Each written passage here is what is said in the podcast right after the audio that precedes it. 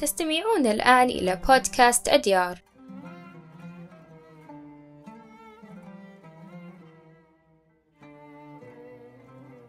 دائما ما يقال أنه من الحب ما قتل ولم أعي ذلك فكيف للحب أن يقتل؟ ولكن قيس أثبت ذلك وأفنى نفسه في حب ليلى. دعوني أنا ديما الحناكي أروي لكم تفاصيل هذه القصة.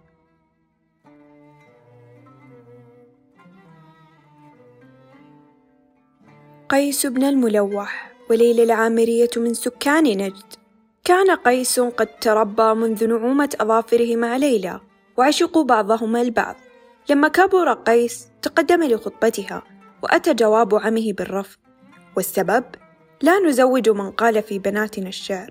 كان قيس يحب ليلى حبا جما ولكن بعد رفض عمه أن يزوجها له تحول إلى شاعر البادية.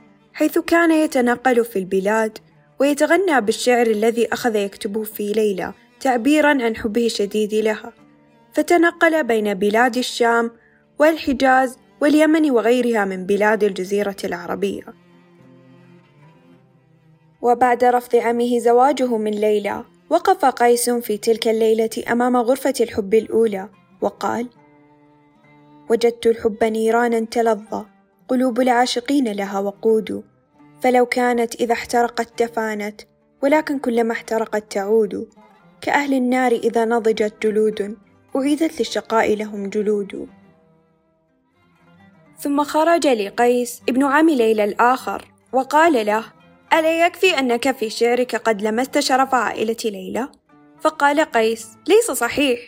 فقال ابن عمه للناس المجتمعة على قيس ارجموه. فلقد حلل دمه.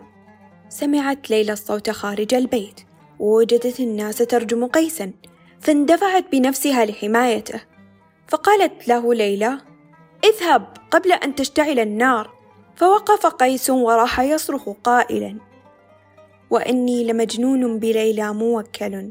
ولست عزوفا عن هواها ولا جلدا. إذا ذكرت ليلى بكيت صبابة لتذكارها حتى يبل البكا خدا.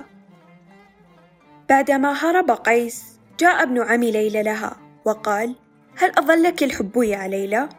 فقالت أي ضلال تتحدث عنه؟ فقال لها قصيدة شعر لقيس وأنها جاءت إليه وزنت معاه فوقفت مصدومة من شعر قيس وراحت تصرخ كذب كذب وراحت لبيتها تبكي وكانت تلك القصيدة ما هي إلا كذب على قيس من فعل ابن عمها وأتى موسم الحج فأتى أبو قيس له وقال قاصدا قيس سوف أخذك معي للحج.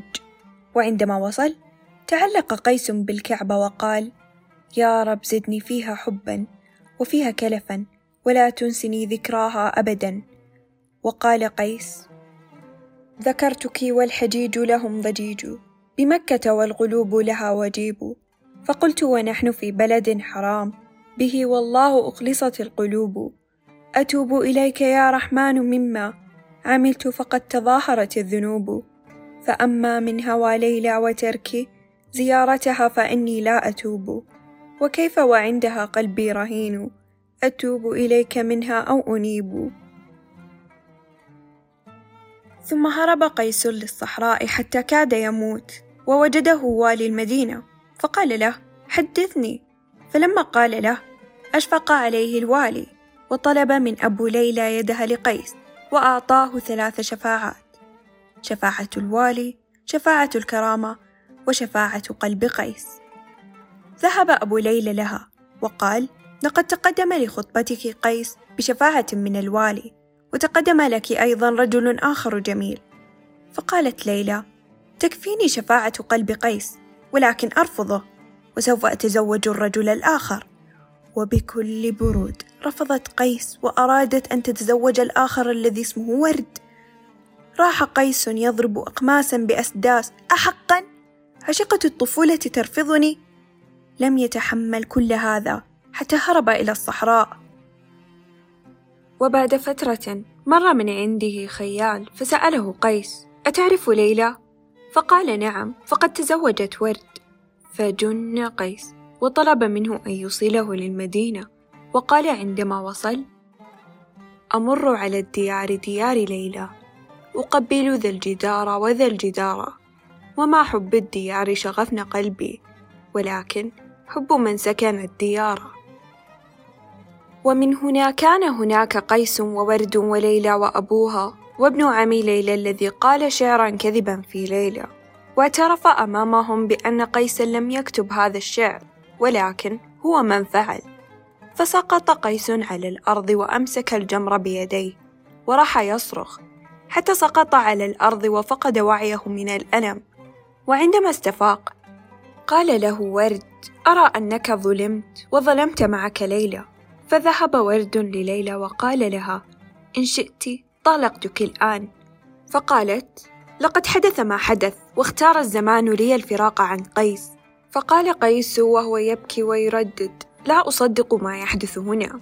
وراح يردد ليلى لا لا. وهرب قيس إلى الصحراء ثانية وراح يتغزل بالغزلان. وروي أن امرأة من قبيلته كانت تحمل له الطعام إلى البادية كل يوم وتتركه. فإذا عادت في اليوم التالي ولم تجد الطعام فتعلم أنه ما زال على قيد الحياة.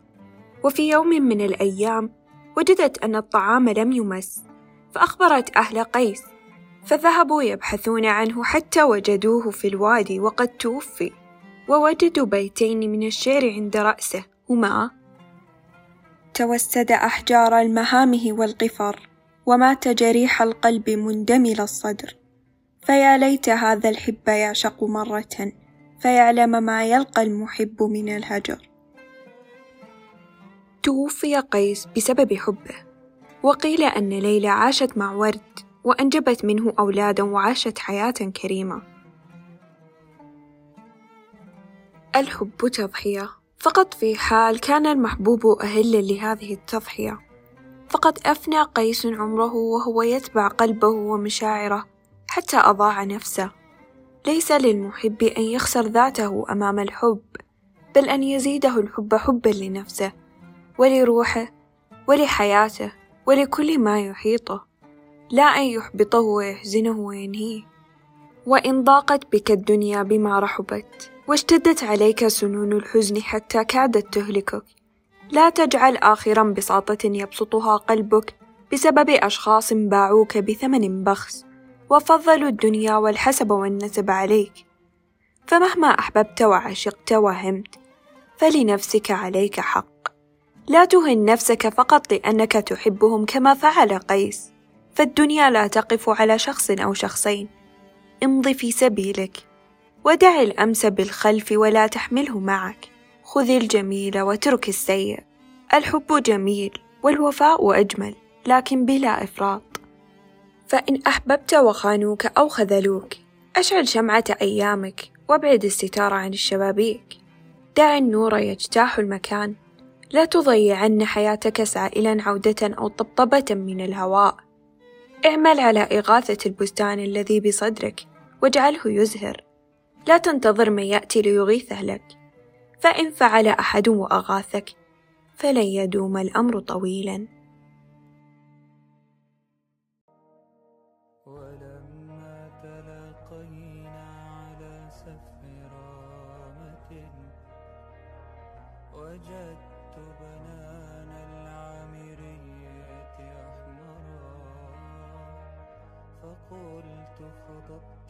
الكف على فراقنا.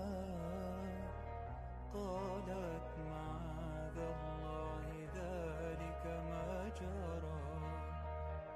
ولكنني لما وجدتك راحلا بكيت دما حتى بللت بالثرى.